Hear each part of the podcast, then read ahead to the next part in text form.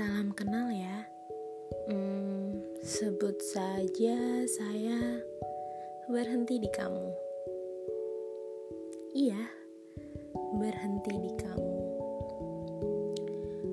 Saya memutuskan untuk mulai bercerita karena menurut saya dunia juga perlu tahu cerita saya. Dan dunia juga perlu tahu bagaimana saya melewati cerita ini. Jadi, ikuti terus ya.